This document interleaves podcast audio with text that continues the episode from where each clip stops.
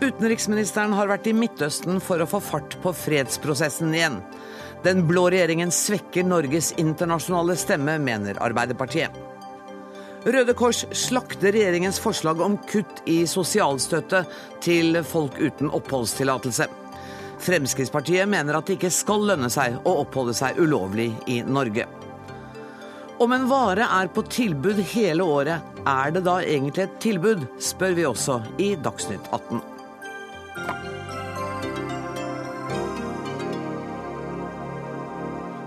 Og denne fredagen skal vi også møte helsedirektøren, som ikke lenger vil skremme røykere til å slutte. Nå er det omsorg, støtte og godt humør som skal gjøre Norge røykfritt. Men først. Utenriksminister Børge Brende, du kom nylig hjem fra ditt første formelle besøk i Midtøsten, og du var innom Israel, Palestina og Jordan. Gå rett til saken. Hvordan vurderer du mulighetene for å få liv i fredsprosessen igjen? at utenriksminister Kerrys eh, initiativ, eh, å få da partene Israel og Palestina sammen, er svært viktig. Jeg tror han kan lykkes, men han da trenger også støtte fra andre land. Norge støtter fullt opp om denne prosessen og har jo et stort ansvar fordi at vi leder den såkalte giverlandsgruppa, som bidrar til at det er nok midler på palestinsk side til å da opprettholde statsorganene, bygge det som trengs i en mulig fremtidig stat. Men hvordan oppfattet du stemningen i de landene du besøkte? Det var eh, veldig mye alvor. For det første så kom jo denne eh, diplomatiske gjennombruddet knytta til Iran. Der var de. Samme dagen møtte jeg jo da statsminister Netanyahu. Som, som ikke, ikke, var glad? Nei, Så han var ikke så fornøyd med det. Mens eh, de andre møtte i regionen, f.eks. president Abbas i Palestina, var veldig eh, fornøyd. Det som preger regionen nå, er jo stor grad av usikkerhet. Og Spesielt den humanitære katastrofen som vi nå ser i Syria, preger også Israel, Palestina og ikke minst Jordan. På hvordan, Hva slags måte da? I Jordan, hvor jeg hadde et møte med kong Abdullah av Jordan, de har jo tatt imot over en halv million eh, flyktninger. Mm. De har en av verdens største flyktningleirer i Jordan. De har store utfordringer fra før av. De tok imot masse irakiske flyktninger tidligere også, og det landet spiller jo en nøkkelrolle også i fredsforhandlingene mellom palestinerne og israelerne. Men det som gjorde sterkest inntrykk på meg, og som jeg ikke eh, kommer til eh, å glemme, er jo når du står på grensa til Syria på Jordans side så ser du at det er masse humanitær hjelp tilgjengelig. Altså det er medisiner, det er mat. Men de kommer ikke inn fordi at det hjelpearbeiderne eh, kan bli skutt på, de kan bli kidnappa. Og Det bryter jo med så fundamentale deler av den humanitære retten, det at sivile ikke skal bli skadelidende. Så der uh, har jeg bestemt meg for å nå ta et initiativ for da å få enda større internasjonalt fokus på hvor uakseptabelt dette er. Jeg med den kanalen. Initiativ og fokus på konkret, hva er det du vil gjøre? Ja, så Blant annet så tok jeg like før jeg kom opp eh, hit nå, så hadde jeg en samtale med den canadiske utenriksministeren John Baird og sa at kan Norge og Canada gjøre noe her sammen? Jeg har også snakka med den britiske utenriksministeren. og Vi er noen utenriksministre som nå da um, er veldig bevisst at vi må se fremgang i ukene fremover når det gjelder å ta imot altså muligheten for å få tilgang her. Og Her må vi også appellere til Russland, Iran, også andre da som uh, har nær kontakt uh, med de jihadistene og disse i opprørsbevegelsen. Det Men utenriksministeren syns fremdeles dette er litt lite konkret? det? Ja, det uh, er jo en veldig vanskelig situasjon når dette er måte, ut av vår kontroll. Assad han skyter på de da som kommer inn med humanitær hjelp i de områdene eh, som han ikke kontrollerer. Jihadistene og opprørsbevegelsen skyter på de som prøver å komme inn med hjelp til de områdene som Assad kontrollerer. Så det vi kan få til, er jo gjennom å legge press på f.eks. Iran, Russland og også de gulfstatene som støtter opp om opprørsbevegelsen, hvis de settes under press, så kan de også si fra at her må vi nå få til en enighet om at iallfall få en hjelp til barn, kvinner og de som nå trenger humanitær assistanse. Mm. Det, er fall, uh, det skjer iallfall ikke noe hvis, hvis du ikke forsøker. Eh, dette er den, eh, en grusom humanitær situasjon som rammer menneskene i Syria. Men litt tilbake til det som vi oppfatter som Midtøsten-problemstillingen. I regjeringserklæringen så står det at dere skal ha en balansert holdning til Midtøsten-konflikten. Hva legger du i det? Det står at vi skal ha en balansert Midtøsten-politikk, hvor vi også jobber for en tostatsløsning. Hvor vi skal da etablere et uh, Palestina som skal da uh, leve uh, i nært samarbeid også med staten Israel. Og det er jo det som er Kerrys plan nå, nemlig å etablere en palestinsk stat på Vestbredden basert på grensene før 1967, mm. men hvor det er mulig å bytte noe land. Og hvor også over tid må Gaza bli en del av dette. Og Det er jo den uh, holdninga som jeg nå også ga uttrykk for der. og I samtalene både med Netanyahu, uh, Livni, uh, også med Abbas, uh, si at dette er noe Norge nå støtter opp om. Hva kan vi bidra med for å kunne få til en fredelig og langsiktig løsning på en konflikt som har vedvart alt, altfor lenge? Annike Huitfeldt, du har sittet eh, lenge stille nå, men, men, det som utenriksministeren sier nå har, La oss begynne en annen ende. Eh, du har kritisert eh, denne Høyre-Fremskrittspartiregjeringen for å svekke den norske stemmen internasjonalt. Men det Børge Brende sier nå, det kunne jo like gjerne Espen Barth Eide ha sagt? Ja, og Derfor så vil jeg gi til full tilslutning til de signalene som Brende kom med her. Både det, han hadde gjort, jo, men jeg skal komme tilbake til, til, det. Både det han har sagt i Jordan og Israel, og det han sier om tostatsløsning. For det er det samme som vi har arbeida for. Og det har vært stor grad av enighet mellom Høyre og Arbeiderpartiet i utenrikspolitikken på disse spørsmålene. Men jeg syns det er litt underlig når jeg ser regjeringserklæringen, og det er her Brende har gjort kompromiss med Fremskrittspartiet, og det er jo derfor dette ordet balansert Midtøsten-politikk kommer inn.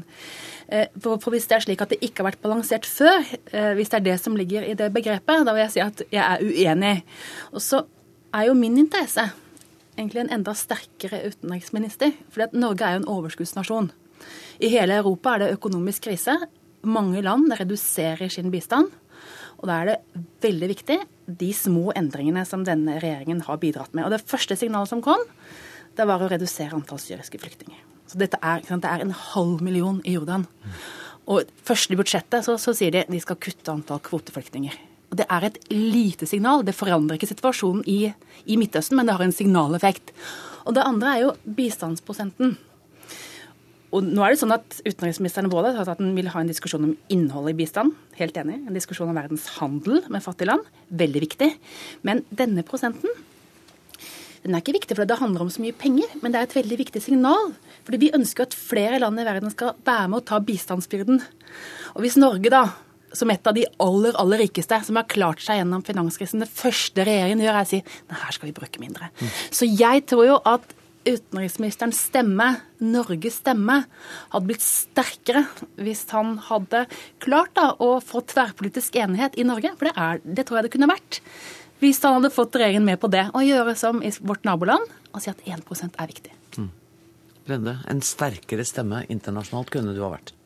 Jeg tror det er viktig at vi ikke skaper uenighet der det ikke er noe uenighet. Kvoteflyktninger, reduksjon, er uenighet. Så, så det som er viktig, som Huitfeldt var også inne på, når det gjelder Midtøsten, viktigheten av å få til en tostatsløsning, det å støtte opp om Syria. Når det gjelder eh, å eh, også støtte opp om den eh, og avverge en humanitær katastrofe der. Når det gjelder hva regjeringa har gjort eh, når det gjelder Syria. For det første så har vi bevilga 100 millioner i tillegg til hva den forrige regjeringa gjorde for å avhjelpe den humanitære krisa. Vi har også stått i bresjen for gjennomføring av Sikkerhetsrådets resolusjon 2118, eh, som går på destruksjon av de kjemiske våpen. Ingen har, så vidt meg bekjent, lovt mer penger enn denne regjeringa har gjort for å få gjennomført destruksjon av de kjemiske våpnene, slik at ikke kan, de ikke kan brukes mot sivilbefolkninga i Syria igjen. Det er greit. Tida løper litt her. Hva med kvoteflyktningene? Ja, når det gjelder uh, flyktninger, så så vidt meg bekjent, så har denne regjeringa også lagt opp til at det samme tallet på eh, syriske eh, flyktninger skal mottas. Men det totale Antallet vil da bli regna inn, og de 500 siste skal da være med det totale tallet for, skjønte ikke det. Nei. En gang til. Man skal ta for andre deler ja, altså, vi, vi, vi viderefører eh, da 1000 eh, Fra flyktninger fra Syria. Eh, så, Men reduserer det totale tallet på Nei, vi regner de inn i det totale tallet av flyktninger. som 500 av de blir med da i det totale eh, tallet. Men jeg tror også at når man diskuterer eh, dette med utviklingspolitikk og bistand, så er jo En av Norges styrker er jo at det er bred enighet om vår utenriks- og sikkerhetspolitikk. Norge er da nå den sjette største donoren til eh, Syria. Det er også slik at eh, Under den krisen som vi har eh, sett i Filippinene, så har Norge da gjennom denne regjeringa gått ut og da bidratt med 10% av hele FN-appellen. Og Hvis du ser på hva vi nå har lagt opp til når det gjelder bevilgning på utviklingshjelp neste år, så er det slik at vi legger opp til å bruke over 1 milliard mer enn hva som brukes i år. Og da å si at Norges stemme ikke er så tydelig, da tror jeg at man må tenke seg om, slik at man da ikke unødvendig svekker vårt gjennomslag også. For det har, og det tror jeg også Arbeiderpartiet er fullt klar over, gjennom de åtte årene de satt i regjering, så var Høyre også en aktiv støttespiller for den politikken som Arbeiderpartiet førte, der det var bred enighet. For på Og nå mener du at Arbeiderpartiet bør vise samme raushet overfor dere. Anniken Huitfeldt, det høres jo ut som dere, det er veldig små ting dere er uenige om, da. Ja, Børge Brende er en utmerket utenriksminister. Han har et stort humanitært hjerte. Men jeg tror at han hadde vært enda sterkere hvis han som Moderaterna i Sverige hadde fått gjennomslag for 1% i sin regjering og i sitt parti. For det er jo egentlig han som har brutt med det som er enigheten i norsk utenrikspolitikk.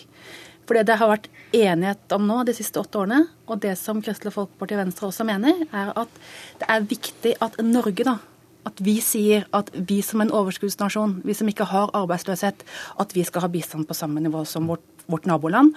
Og Cameron, da, i Storbritannia, der er det jo stor arbeidsløshet.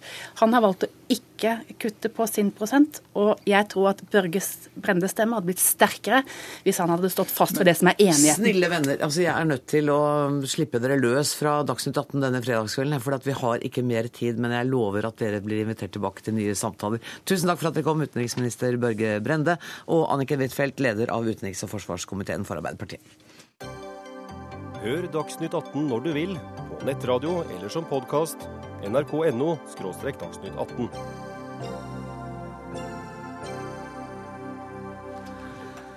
Mennesker uten lovlig opphold får ikke nødhjelp fra sosialkontorene, det sier Røde Kors. Og mener at med minusgrader ute, så kan det få fatale følger. Og dessuten så er det et brudd på menneskerettighetene. Men eh, Fremskrittspartiet vil eh, ikke ha ordninger som de mener gjør det lukrativt å oppholde seg ulovlig i landet.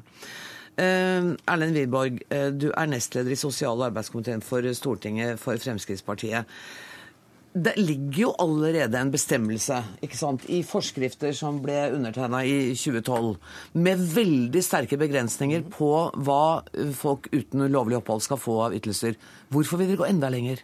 Nå har den, den avgående regjeringen de sendte ut på høring eh, flere eh, forslag, Ja. eh, og det er de eh, regjeringen nå vurderer.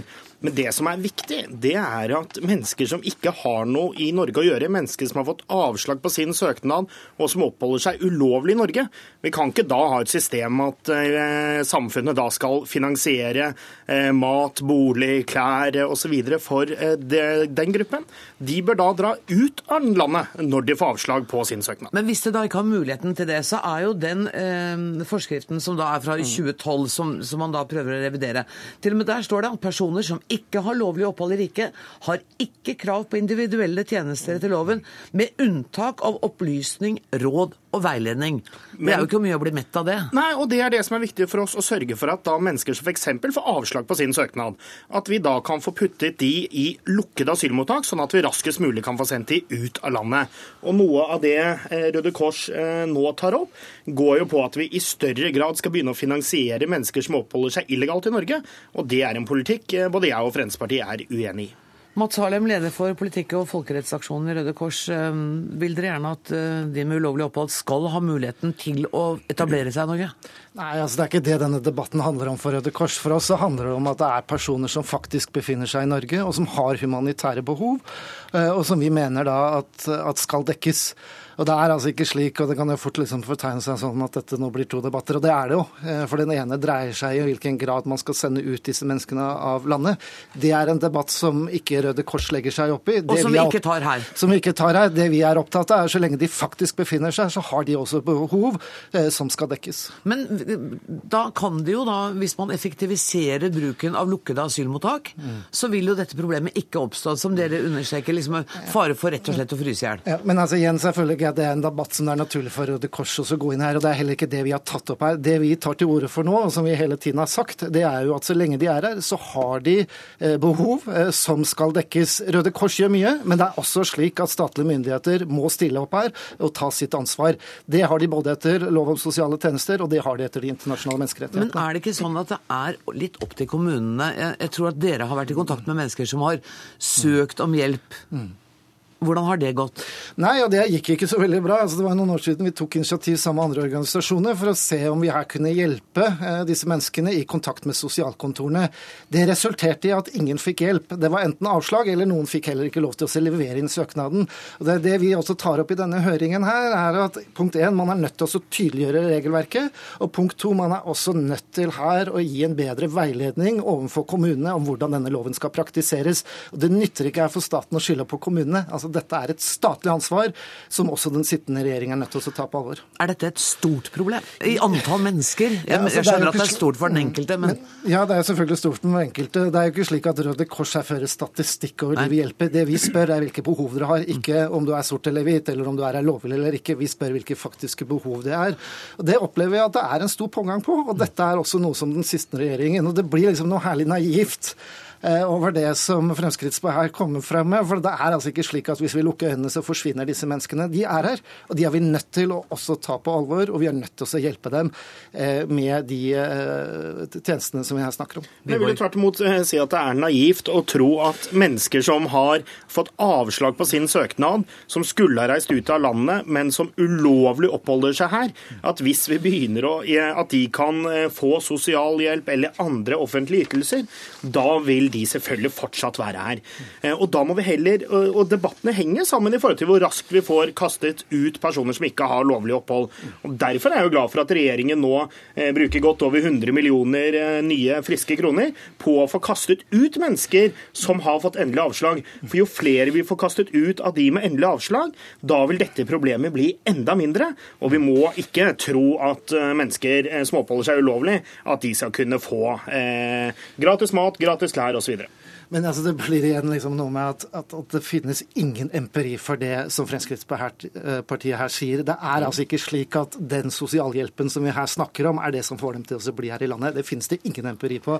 Så er det også spørsmålet da, liksom, hvilke virkemidler er det staten kan ta i bruk for å få disse menneskene ut? Og det er der Røde Kors sier nei. altså Når det gjelder å ta fra personer de helt grunnleggende rettigheter som mat, de at de ikke skal fryse i hjel, der mener vi at det går en grense i forhold til virkemidler. Jeg stiller ikke spørsmålstegnet ved hvor mange penger dere skal bruke på å stemme det ut. Det er ikke der denne debatten. og det Nei, er ikke men det, det dette er derfor det er viktig da å sørge for å få personer som har fått avslag på sin søknad, få de inn i lukkede asylmottak frem til vi kan få sendt de ut av Men jeg landet. betviler ikke, det er jo, ikke det vi debatterer. Jo, det vi debatterer her, er i hvilken grad folk er nødt til å fryse i hjel på gata. Det er det Ja, dette Det dreier gjør de om. pga. at man ikke har fått sendt de ut av landet. Jo, men Jeg betviler ikke din rett til å sende dette ut. Det jeg sier her, er at dere kan ikke ta fra en person de helt grunnleggende rettigheter i, eh, når dere skal sende dem ut. Og da Der er det bedre å få dem de inn i lukkede asylmottak enn å bare sy puter under armene og la dem gå fritt på gaten. men igjen, jeg må bare presisere, det vi forsøker å snakke om her, er skal de ha rett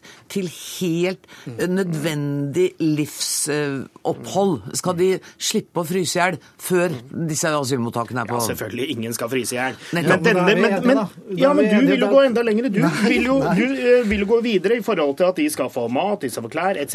Og Ja, da- sånn at de ikke fryser i hjel. Men hvis man kan få fullføre. Det må jo være bedre da å få de inn i lukkede asylmottak, sånn at vi vet hvor de er, og sånn at vi kan få sendt okay, de men ut av landet. Glem det et øyeblikk, for vi har ikke de asylmottakene nå. Her og nå, hvis det er fare for at folk sulter i hjel eller fryser i hjel, så er du villig til at da skal de Ja, selvfølgelig. Ja. Ingen skal uh, sulte eller fryse i hjel i Norge. Jeg kan ikke skjønne annet enn at da er dere enige. Ja, det tror vi setter strek for debatten så langt. Tusen takk til Erlend Wiborg fra Fremskrittspartiet og til Mats Harlem fra Røde Kors.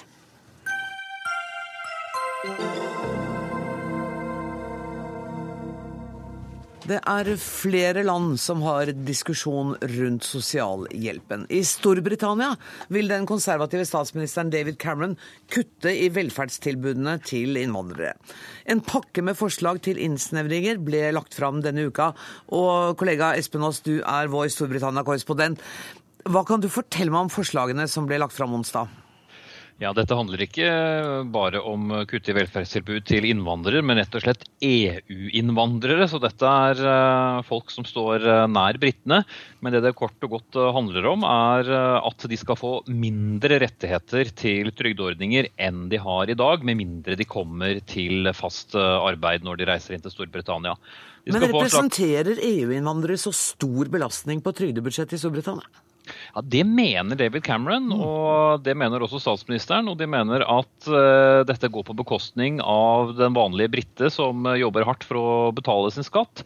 Det de ønsker seg, er rett og slett en karantenetid. Kommer du inn til Storbritannia fra et EU-land og ikke har arbeid, så går det tre måneder før du skal få lov til å søke om trygd. Får du innvilget trygd, så får du bare ha det i seks måneder, så er det slutt. Og I tillegg vil vi også ha et eh, totalforbud mot tigging. Det skal være forbudt å sove ute. Blir du tatt i noen av disse tingene, kastes du ut av Storbritannia og får ikke lov å komme inn igjen før det har gått et år. Hvordan har britiske velgere reagert på forslagene? Det er en eh, liten bølge av skepsis uh, mot det som omtales her som velferdsturisme. Uh, og det handler da særlig om uh, østeuropeere, som mange har kommet hit for å jobbe og jobber, både som håndverkere, jobber med innhøsting osv. Men det er en bølge av frykt eh, hos den vanlige mannen og kvinnen i gata over at det skal bli for mange eh, europeere her. Mange byer eh, rundt om, i, særlig i eh, Sør-England, er det store andeler av f.eks.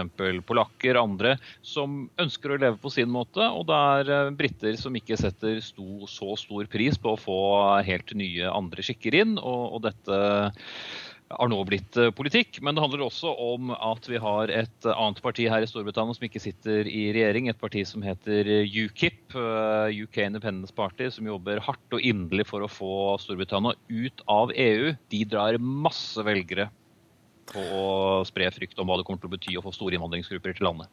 Har det kommet noen reaksjoner fra EU på dette forslaget til Cameron? Det gikk fort. Eh, Den dagen som eh, nyheten ble lekket, så intervjuet BBC Radio på morgen EU-kommissæren, eh, eller en EU-kommissær eh, for, eh, for arbeidspolitikk, og han syntes dette var en veldig dårlig idé, og beskyldte rett og slett David Cameron for å spre frykt i befolkningen, og sa at dette gjør Storbritannia til et nasty land, altså til et ekkelt land, at de skal sitte og tviholde på sitt og ikke slippe inn noen andre. Tusen takk for at du var med i Dagsnytt 18 denne fredagskvelden, Espen Aas fra London. Øyvind Brattberg, du er postdoktor ved Institutt for statsvitenskap på Universitetet i Oslo og har Storbritannia som spesialfelt.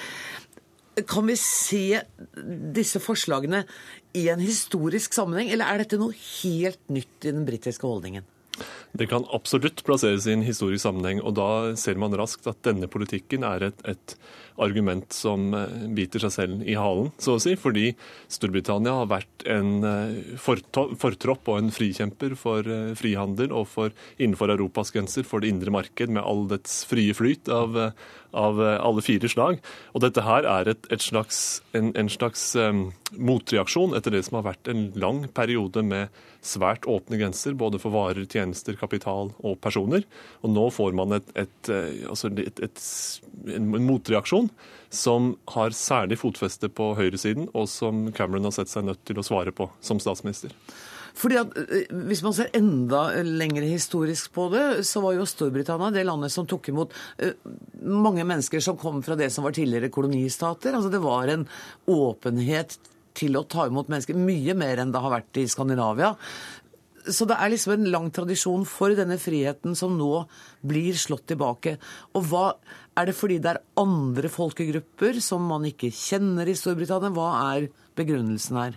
Det er noe av det veldig interessante med britisk innvandringsdebatt. At mens man i her hjemme hos oss for eksempel, har et ganske klart skille mellom den delen av innvandringsdebatten som handler om, om eh, fremmede kulturer og om eh, kollisjonen mellom ulike religioner osv. på den ene siden, og intern europeisk arbeidsinnvandring på den andre siden. Mm. Så har man i Storbritannia i stedet en stor gryte hvor det meste kastes oppi. Og nettopp dette UKIP-partiet på ytre, ytre, høyre spiller veldig på en sånn cocktail av, av, fremmedfrykt, i betydning frykt for fremmede kulturer, og fremmedfrykt av mer europeisk slag. De kommer og tar jobbene og, og, og trygdene våre. Og Det er en ganske eksplosiv eh, cocktail, og den gir mange altså, gir stor støtte som en sånn ryggmargsrefleks, men så snart man tenker litt mer over det, hvilke prinsipper Storbritannia har bygget sin økonomi på og sitt samfunn på, så har det handlet om, om friheten til å komme så sånn at man kan ta vare på seg selv. Så kan man bidra i økonomien gjennom arbeid osv. Og, så og dagens europeiske innvandring er på mange måter en forlengelse av det som tidligere var fra koloniene, og ikke minst fra de britiske øyene, fra Irland osv. Så, videre. så dette er en, en, en vending i argumentasjonen som går på tvers av det som har vært historisk praksis. Det kan man si. Og, og UKIP er et voksende parti? Det er det absolutt. Og det er jo frykten for EU-parlamentsvalget til våren og det britiske parlamentsvalget i 2015 som nå driver fram en ganske, hva skal man si, en, en noe mørkere understrøm i Camerons eget parti, som han da forsøker å svare på. Ja, for det er jo interessant, for Storbritannia har jo aldri hatt et udelt og nært forhold til EU. Det har vært mye konflikter og store bevegelser som har ønsket landet ut av eh, unionen. Hvordan er det forholdet i dag etter dette forslaget? Det blir ikke lysere og lettere. Man er ikke på vei mot, mot eh, solfylte sletter på kommende EU-toppmøter hvor, eh, hvor, Storbritannia tar del. Det tror jeg man kan fastslå. Det som er litt spesielt med denne typen debatt, er at den, den er av en litt annen art enn den type EU-skepsis som Cameron har frontet tidligere.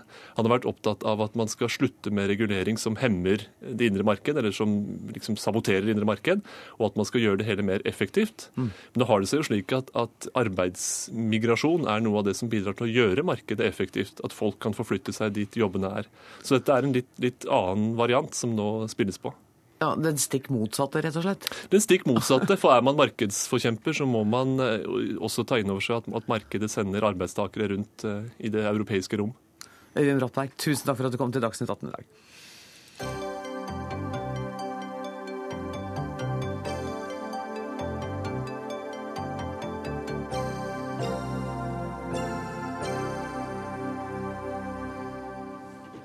Studenter som får eh, to i matte på videregående, har ingenting å gjøre på økonomistudier. Derfor bør det innføres opptakskrav til studiene. Det skriver du i en kronikk på NRK Ytring, Kai A. Olsen, professor i informatikk ved Høgskolen i Molde og Universitetet i Bergen.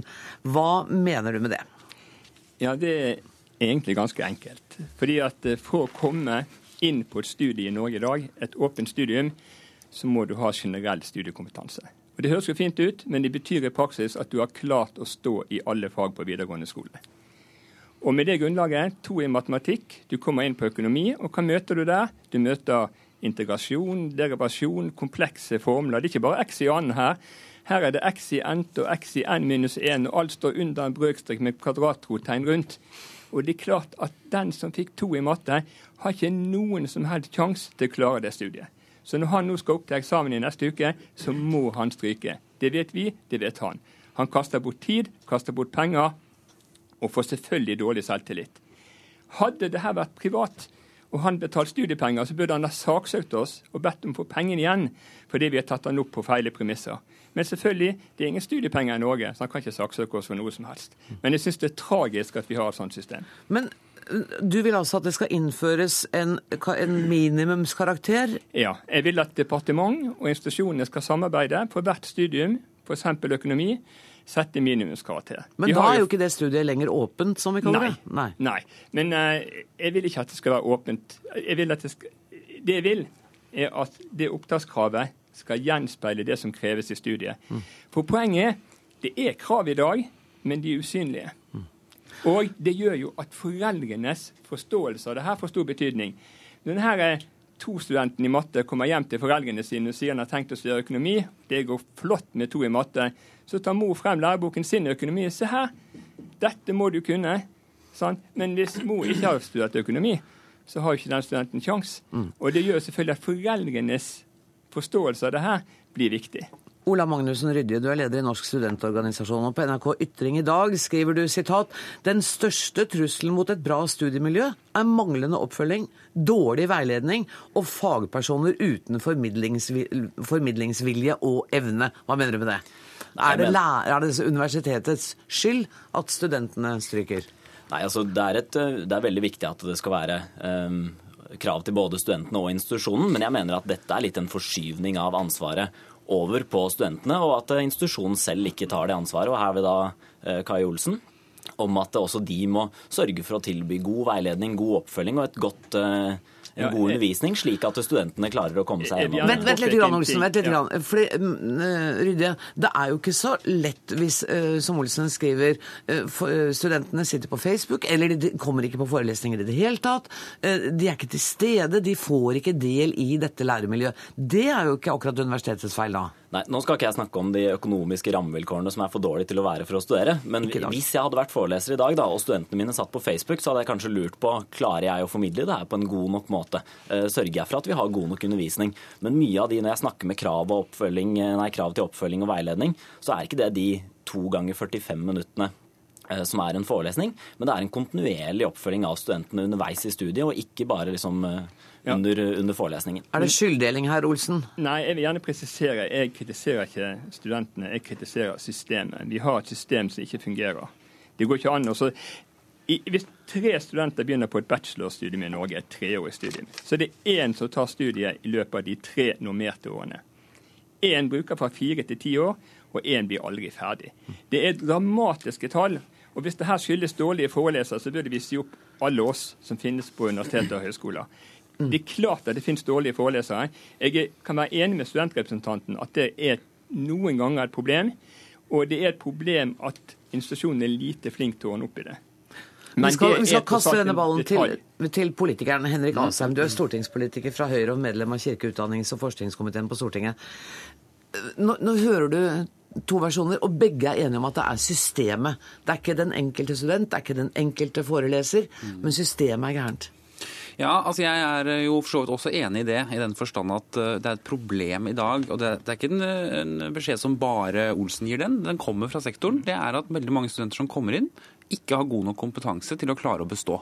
Hva syns du om forslaget om å sette en minimumskarakter? At skal du studere matematikk eller informatikk, så må du ha fire i matte. Ja, altså jeg mener at Det er en, på en måte en symptombehandling, og en symptombehandling med bivirkninger. Fordi Det store problemet mener vi først og fremst er at ikke matteundervisningen er god nok, realfagsundervisningen er god nok i grunn- og videregående skole. For det er der de kommer fra, når de da ikke har godt nok nivå. Eh, Og Hvis man gjør som, som Olsen foreslår, og bare da setter et høyere eh, karaktertak, så har du i realiteten fjernet generell studiekompetanse, og du har lukket studiene. Eh, Og det er jeg skeptisk til. Ikke minst fordi vi trenger jo veldig mange studenter inn på f.eks. ingeniørutdanningen. Eh, Men det er helt åpenbart at ikke kvaliteten er god nok i grunnskolen for eh, særlig realfag. Ola Magnussen Rydje. Ja, altså jeg er enig i at vi trenger kompetansen, og det er derfor jeg mener at den debatten her bør dreie seg om hvordan skal vi heve kvaliteten på de som faktisk studerer og blir tatt opp. Og Noe av det Olsen peker på, er jo å si at hvis vi setter karakterkrav, så vil kvaliteten på utdanningen bli bedre. Det finnes det ingen automatikk i. Eh, Hvis vi f.eks. har en ansamling med seksstudenter som eh, fra videregående som får elendig undervisning og, undervisning og oppfølging, eh, så blir jo studiekvaliteten dårlig fordi de ikke ja, får det. Ikke pga. forutsetningene som de kommer inn Ja, med. men her tror Og det er viktig for meg er at Vent, litt, grann. nå kan Olsen få lov å Ja, men svare. jeg, jeg tror at nå er han inne på en, altså Dårlig foreleser det kan ikke være det som gjør at to av tre norske studenter har problemer. Det går ikke an, det vet vi alle. Det er, kan være et lite problem, men ikke det hovedproblemet. Det jeg vil, høres veldig naturlig ut, det at vi synliggjør de kravene som det er til alle studiene. Og vi kan ikke gjøre det over natten. Vi kunne innført det i dag, og så kunne vi si at dette gjelder for om fire år. Og hva vil det bety? Det vil bety at de elevene som begynner videregående i dag, hvis de har tenkt å ta høyere utdanning, så må de se på karakterene sine. det vil bli et signal om å jobbe hardere. Og ikke minst, det vil være et signal for noen om kanskje velge noe annet. Jeg jobber mye i industrien. Jobber sammen med fagarbeidere. Utrolig flinke folk. Behersker komplekse maskiner. Behersker faget sitt ut og inn. Det er interessante jobber. De folkene er høyt verdsatt av bedriftene, også bokstavelig talt. Og når jeg jobber med de for å lage datasystem, så bidrar de sterkt inn i den prosessen. Når du, hvis du var flue på veggen, så ville ikke du høre forskjell på professoren og fagarbeideren. i Beklager, de situasjonene. jeg må, jeg må avbryte deg, for Thea løper litt. Asheim, dette høres jo Det henger jo på greip. Ja, og vi møter jo Olsen litt på vei her også, fordi det regjeringen nå har gjort, det er for det første at vi sier at vi skal fryse strukturen i høyere utdanning. Altså vi stan- stanser godkjenning av alle nye universitet. Og det gjør vi fordi vi har fått en veldig tydelig advarsel om at bachelorutdanningene særlig er for lav kvalitet. I tillegg så øker vi jo opptakskrav til lærerutdanningen f.eks. Der sier vi at du skal ha karakteren fire eh, for å kunne komme inn. Eh, Og det er sånn at NTNU får jo lov i dag til å stille krav til, eh, til at du skal ha fordypning i matte for å kunne ta, komme inn på ingeniørutdanningen. Og fire. Jo, Og karakteren 4. Ja. Ja. Uh, Rydje? Ja, altså, øhm, Poenget er jo at vi vil ha bedre kvalitet, og vi får ikke bedre kvalitet bare å sette ved noen krav. Og vi løser ikke frafallsproblematikken, som Olsen helt berettiget og veldig bra at han setter den på den. Vi løser ikke den ved å sette karakterkrav. Den løser vi ved at vi sørger for at eh, kvaliteten på utdanningen underveis blir mye bedre. Og det er det jeg syns det hadde vært fint om vi hadde norske professorer som gikk ut Men i media og snakket om. og det er neste debatt, ikke sant? Det må vi ta en annen dag, hvor både utdanning, da hele skolesystemet skal vi ta en gang vi kan bruke hele timen på det. Så langt må jeg si tusen takk til Kai Olsen, Ole Magnussen Rydje og Henrik Asheim.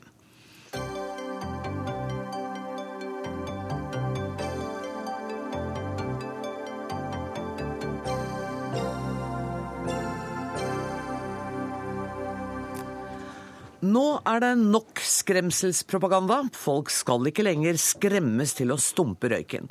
I sin nye kampanje viser Helsedirektoratet hvordan oppmuntring fra omgivelsene og positiv støtte kan gjøre folk røykfrie. Helsedirektør Bjørn Gullvåg, velkommen hit. Dette minner ikke lite om en helomvending. Ja, det er egentlig ikke det. Det vi har gjort nå, er å spørre eh, de som er ekspertene.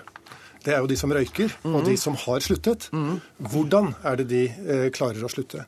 Og eh, nå er jo sosiale nettverk stadig viktigere, så vi ønsker å prøve ut Facebook som et, eh, en nettverksside med tanke på å få motivert folk til å slutte å røyke. Er det dere som, skal dere gå på Facebook, eller skal de som slutter å røyke, eller hvordan har dere tenkt dere dette? Ja, vi har opprettet en side, eh, og så skal vi eh, få eh, folk engasjert inn i denne siden. Fortelle om hvordan de slutter å røyke, kanskje også hvordan de har mislyktes med å slutte å røyke, og dele erfaringer.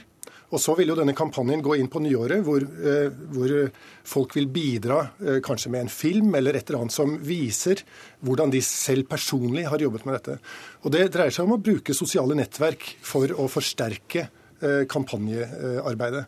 Vi kommer ikke til å slutte med, med fullstendig, nei, fullstendig med skremsler.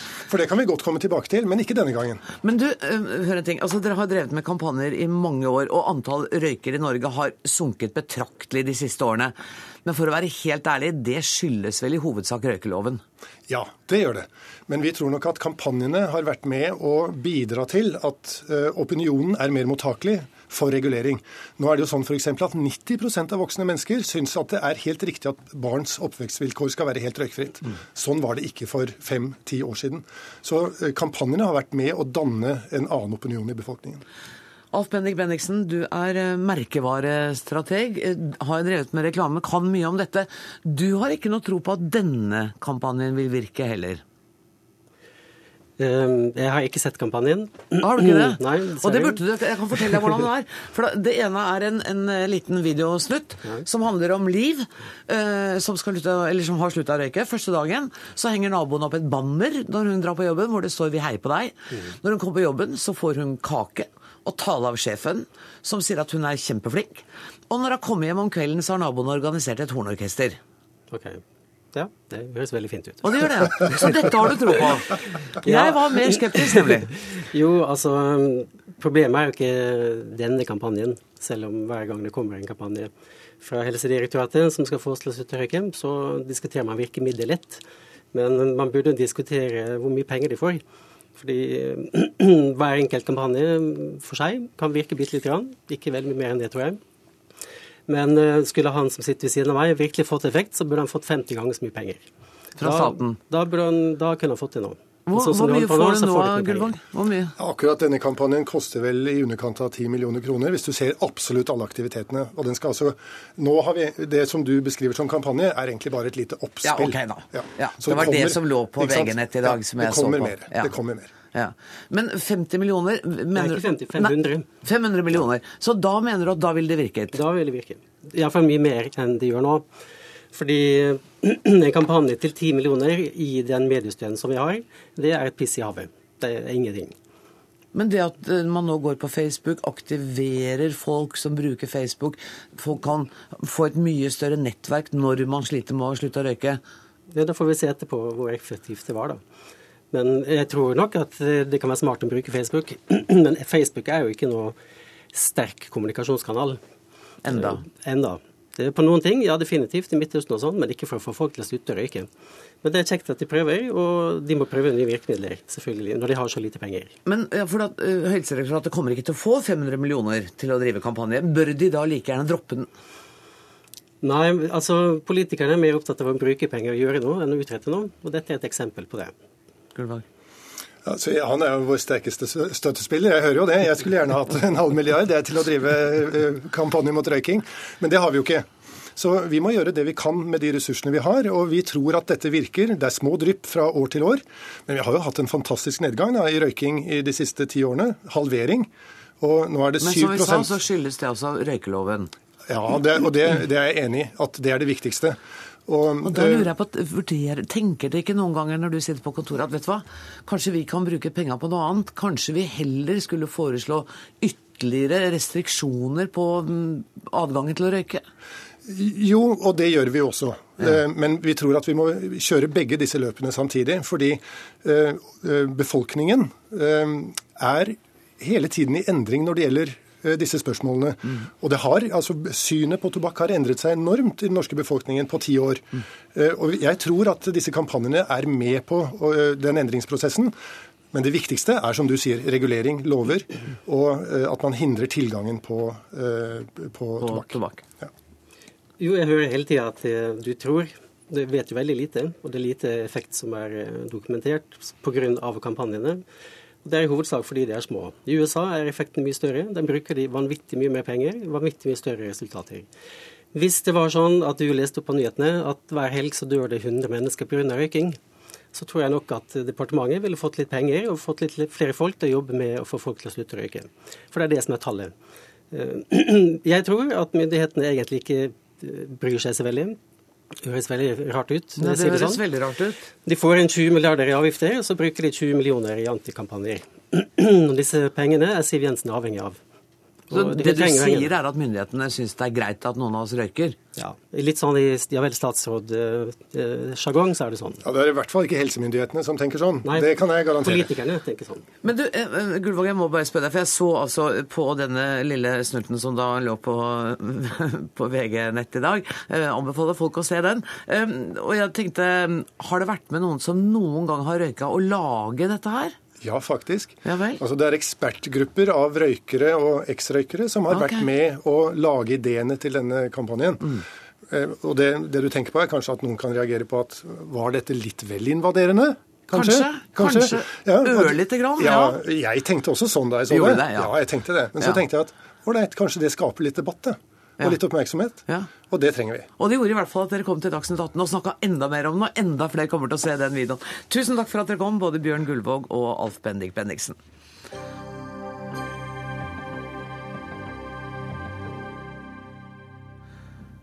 Julehandelen står for eh, døra, og alle vil eh, gjøre noen gode kupp. Men eh, et tilbud er ikke alltid et tilbud. For hva skal man kalle det når en vare har nedsatt pris i åtte av ni måneder, og vi snakker om samme vare, samme butikk? Du mener at dette er villedende markedsføring, og at det kan være skadelig for forbrukerne. Jo Gjedrem, eh, fagdirektør i Forbrukerombudet. Ja, jeg tror eh, de aller fleste vil eh, oppfatte det som villedende, og at de fleste vil føre seg lurt av den type markedsføring. Men poenget er at jeg følger jo ikke med på jeg, hvor lenge en vare har vært nedsatt. Nei, og det tror jeg de færreste forbrukere følger med på, så derfor er det bra at noen følger med på det, og eh, det er jo en del av jobben vår. Vi går jo inn og ser på bransjer hvor vi mener det er spesielle problemer med dette. Og så ber vi om eh, dokumentasjon og prøver å jobbe mot denne typen eh, villedende salgsmarkedsføring. Er det noen bransjer som er verre enn andre? Ja, jeg tror nok vi må kunne si det. Og det er typisk eh, kampanjedrevne bransjer, som det ofte kalles. De du får DM-er fra i, eh, i avisen eh, svært ofte. Hvor det i tillegg ofte er hard konkurranse. Det er mange som kjemper mot, med ryggen mot veggen. Og, og da kan vi Sportsbransjen f.eks. har vi måttet jobbe mye med. Møbelbransjen. Og det finnes også andre problembransjer. Men du, hvilke sanksjonsmuligheter har dere? Vi skal i første omgang eh, forsøke å komme frem til en frivillig ordning, som det heter i loven vår. Men går ikke det, så kan, eh, så kan vi fatte forbudsvedtak med en tvangsmulkt. Thomas Angel, du er handelsdirektør i Virke, en hovedorganisasjon for eh, næringslivet. Er dette problemet stort, eller kan jeg trygt fortsette å kjøpe det som er på tilbud? Det kan du helt sikkert gjøre, men eh, vi ser jo også at eh, det kan være overtramp eh, i ulike tilfeller. Og handelen er jo interessert i at reglene følges. For vi kan ikke ha det slik at noen som måtte slurve med regelverket, skaffer seg en konkurransefordel for de som følger regelverket. Slurv er et pent ord for snyteri. Ja, men at noen eh, ikke følger reglene, det er ikke av det gode for konkurransen. Det er helt opplagt. Men jeg så i dag i avisen at eh, det var noen som mente at reglene var uklare. Men reglene er jo sånn at det som har vært laveste pris de siste seks ukene, er det som skal karakteriseres som fastprisen. Og det kan ikke være komplisert. Til og med jeg skjønner at den laveste prisen de siste seks ukene skal være utgangspunktet for det som er tilbudet. Ja, Det er nok litt komplisert allikevel. I hvert okay, fall for eh, bransjen oppfatter det så til tider som komplisert. Okay. Og det er, For det første så er det noen avgjørelser i Markedsrådet som gir, viser at det er rom for den seksukersfristen. Og så er det også uklart, eh, i hvert fall for aktørene, eh, hvor man skal måle førprisen. Vi ønsker å nå ha et møte med Forbrukerombudet og aktører i næringen, for nettopp og vi kan diskutere diskutere det som i hvert fall i næringen oppfattes som uklarheter. Gjedrem, eh, kan ikke dere bidra til at eh, myndighetene forenkler dette lovverket, sånn at næringen skjønner hva det står der? Jeg mener dette her i utgangspunktet er veldig enkelt. Men som alle regler så blir det komplisert hvis du skal legge deg på grensen. Eh, så det er noe av problemstillingen. At det, dette er et veldig veldig ettertraktet budskap. Det er noe som appellerer veldig til forbrukerne. Og det er noe man tjener penger på. Og det er fristende å, å presse grensen. Og legger du deg på grensen, så, er, så blir det komplisert. Sånn er det med alle regler. Det andre forholdet her er jo at det er store kjeder som kanskje ikke har full oversikt over prisene sine, som kanskje ikke kan diktere prisene engang ut til De kan ha 100 butikker, og de har ikke kontroll over det. Da blir det komplisert. Men det betyr ikke at man kan drive med villedende markedsføring. Og jeg vil si at hovedregelen er jo eh, veldig, veldig enkel. Det er at et salg skal være det folk legger i det. Nemlig at har du salg, så må du ha satt ned prisen. Vi har med oss Andreas Niss på telefon. Du er administrerende direktør i Elkjøp, som fikk mye kjeft for markedsføringen sin på 2000-tallet tidlig. Hvordan så reklamene deres ut da? Reklamene våre på den tiden var veldig lik eh, må jeg si, det det er i dag. Det vi har gjort, er jo at eh, vi har forandret måten vi klarer å levere i forhold til markedsføringa. Og det enkle svaret på hva vi har gjort der, er jo at vi la om vår strategi til at eh, for alvor sette kunden i sentrum. Eh, og For oss handler det om at eh, vi må holde det vi lover i markedsføringen. Vi markedsfører hver uke masse produkter til lave priser. Og tidligere så var vi, vi ikke gode nok til å ha disse varene tilgjengelig. Hvilket er en litt annen utfordring enn det vi diskuterer nå. Okay. og det her fikk vi kritikk for. da gikk vi i dialog både med kundene og med Forbrukerombudet.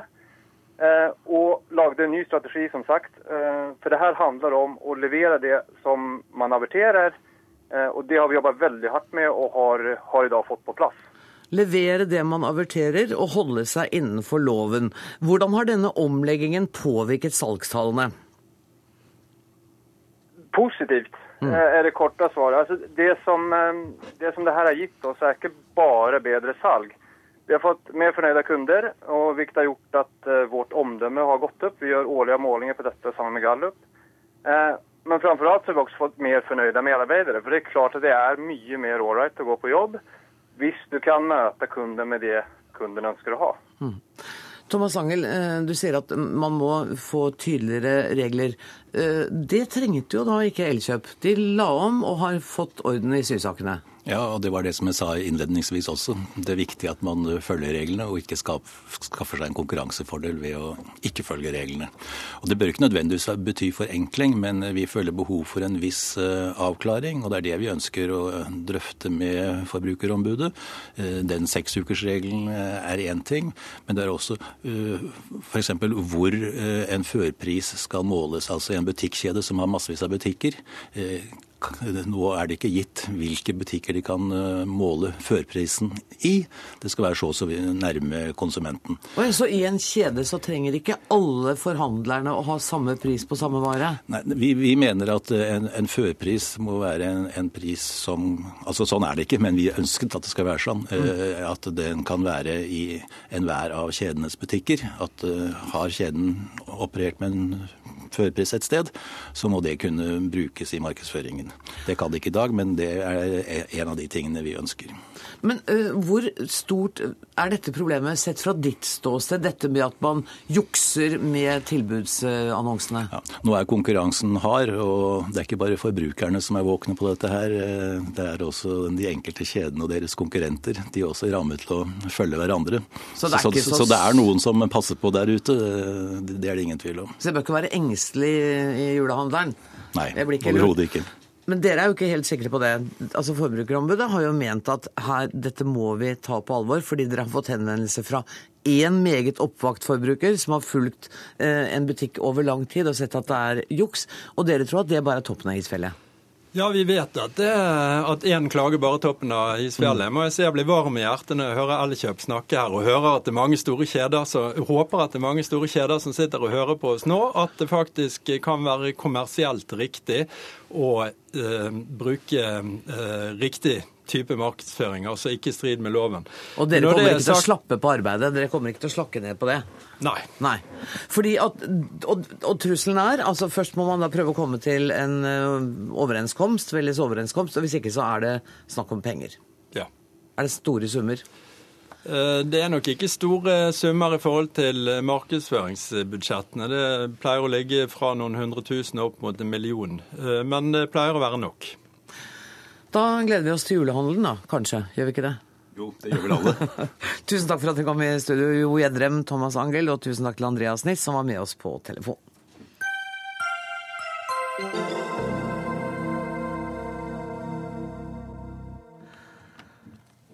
Dagens siste gjest er kanskje den juristen som har bredest erfaring fra offentlig forvaltning. Hør bare her. Ekspedisjonssjef og deretter departementsråd i Justisdepartementet politimester i Oslo, politidirektør og nå sist departementsråd i Fornyings- og administrasjonsdepartementet, der hun hadde sin siste arbeidsdag i dag. Velkommen, Ingelin Kellengren. Tusen takk. Og enda har jeg ikke nevnt alt, for jeg kunne ikke gå så langt uh, inn i det. Mange ville jo tenkt at uh, nå kunne det være, nok være nok, og man kunne liksom begynne å ha det litt hyggelig på privatlivet, men det gjør ikke du. Du tar en ny arbeidsoppgave. Ja, jeg gjør det, og det har sammenheng med at jeg har vært så mange år i forvaltningen. Og det betyr at eh, jeg har mye erfaring, men jeg har også sett hvor lett det er at ting går galt. Og eh, da brenner jeg ganske mye for å bidra når eh, det nå skal settes et sterkt fokus på forvaltningen, byråkratisering, dvs. Si avbyråkratisering og fornyelse og modernisering. Mm. For du går inn i en midlertidig jobb uh, på det som heter Difi, ja. Direktoratet for IKT og forvaltning. Mm. Og det begynner du med eh, nå på mandag. Ja. Var det noen betenkeligheter ved å gå inn i akkurat den stillingen nå? Nei, det var det faktisk ikke. Nå er det jo opprettet et nytt stort departement som eh, omfatter hele det gamle Fornyings-, administrasjons- og kirkedepartementet og Kommunal- og regionaldepartementet. Og det betyr at innenfor dette området her skal det gjøres veldig mye i tiden fremover.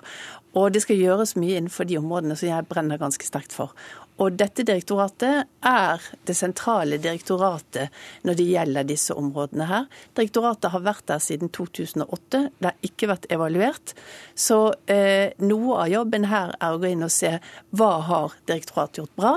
Eh, og hva kan det forbedre seg på? Og det er gjort veldig mye bra der. Mm. Og så ikke minst, hvordan skreddersyr vi dette direktoratet for at forvaltningen skal bli enda bedre i tiden fremover? Ja, øh da er jeg litt usikker på hvor jeg skal gå. Jeg, jeg, tror jeg går på det. Du var eh, politidirektør i mer enn ti år. Eh, og noe av det politiet har fått kritikk for etter 22.07, da hadde du riktignok gått av, men du hadde ansvaret for det, eh, var jo nettopp IKT og eh, datasituasjonen, som du var ansvarlig for. Og da vil jo noen tenke at det er litt rart at du går inn i en stilling hvor nettopp det skal være hovedfeltet. Ja, og det skjønner jeg veldig godt at noen vil tenke. Mm. Eh, så min innfallsvinkel litt det motsatte. Jeg har nemlig eh, virkelig erfart hva det vil si å styre en stor, komplisert organisasjon som ikke hadde fått IKT opp og gå på en skikkelig måte. Og det betyr at jeg vet hvor viktig dette er, og ikke minst så vet jeg hvor viktig det er at topplederne i staten faktisk forstår hvor eh, grunnleggende IKT er, hvis vi både skal være effektive, levere kvalitet, og ikke minst at vi skal ikke bare gjøre tingene riktig, men vi skal gjøre de riktige tingene. Og du har sagt til Dagens Næringsliv, jeg tror ikke jeg kan sitere deg helt korrekt, men det var noe med at hvis det var noe du skulle ønske du hadde gjort annerledes det, som leder, så var det å være tydeligere overfor politisk ledelse på hva som måtte til av gjennomføringskraft for å få satt i verk deres politiske mål. Ja, det er riktig. Fordi man spør seg alltid selv om man er tydelig nok og god nok. Mm. Og jeg har tro på at eh, hvis forvaltningen skal bli eh, bedre i vårt land, og så må jeg jo ha en bisetning med å si at vi er faktisk ganske gode, ja. også internasjonalt, men hvis vi skal bli bedre, så er det viktig å gi lederne fullmakter, og samtidig være tydelig på å gi dem rett og plikt til å handle og gjennomføre ting. Og i en sånn situasjon så eh, spør jeg meg selv var jeg tydelig nok, og var jeg god nok? Og jeg har gjort mange feil underveis, og så tror jeg faktisk at man lærer av feilene sine. Mm. Og det er jo derfor jeg går på noe nytt nå. Men du, hvordan har det vært? Altså, du har vært eh, tradisjonell byråkrat, departementsbyråkrat, og så har du vært i operativ stilling som politimester og en slags operativ stilling som politidirektør. Hvordan var det å gå tilbake til en jobb som departementsråd, selv om det ikke var Justisdepartementet? Var det litt kjedelig da du begynte? Nei, det var ikke det. Det var faktisk veldig spennende. fordi da hadde jeg med meg direktoratserfaringen. Og jeg hadde masse erfaring fra å bli styrt av et departement. Og det er det positive og negative sider med. Så da jeg kom tilbake til departementet, så eh, tenkte jeg at ja, men nå skal jeg bruke lærdommen min nettopp til å, å, vise hvordan det er å være under et departement, og samtidig lære av hva eh, dette departementet kan og vet. Det var faktisk en veldig, og har vært en veldig spennende periode. Er du en annerledes leder i dag enn du var da du begynte som departementsråd i Justisdepartementet i sin tid? Jeg mener jo det. Man får jo en del livserfaring. Og det er klart at å ha vært, som jeg, leder for en veldig komplisert organisasjon, hvor det virkelig ikke har vært noen søndagsskole i så mange år, så får du med deg ganske mye livserfaring. Og det betyr nok at eh, eh, den kunnskapen jeg har om forvaltningen, det tror jeg faktisk er ganske viktig. Mm. Fordi når jeg nå skal inn i Difi, så er det en organisasjon med veldig mange flinke, dyktige spesialister på alle områder. Men jeg tror nok at jeg er litt i særklasse når det gjelder erfaring for hvordan det er å utøve dette i praksis, og det er kanskje ikke så dumt. Og hvordan det er å stå i stormen. Det har du også eh, erfart. Du, denne jobben, er, er det seks måneder? Eh, foreløpig er det seks måneder, og så får vi se hvordan det blir efter eh, det. Det skal jo være en evaluering som nok tar litt lengre tid enn seks måneder. Okay. Det er fredagskveld. Jeg skal la deg også få lov å gå og gjøre noe forhåpentligvis enda hyggeligere enn å være i Dagsnytt 18. Jeg skal si tusen takk for at du kom, Ingelin Killengren. Dagsnytt 18 er nemlig slutt. Ansvarlig for sendinga i dag var Ida Tune Øritsland. Det tekniske ansvaret har Frode Thorshaug. Jeg heter Anne Grosvold. Vi høres på mandag. Takk for nå. En god helg.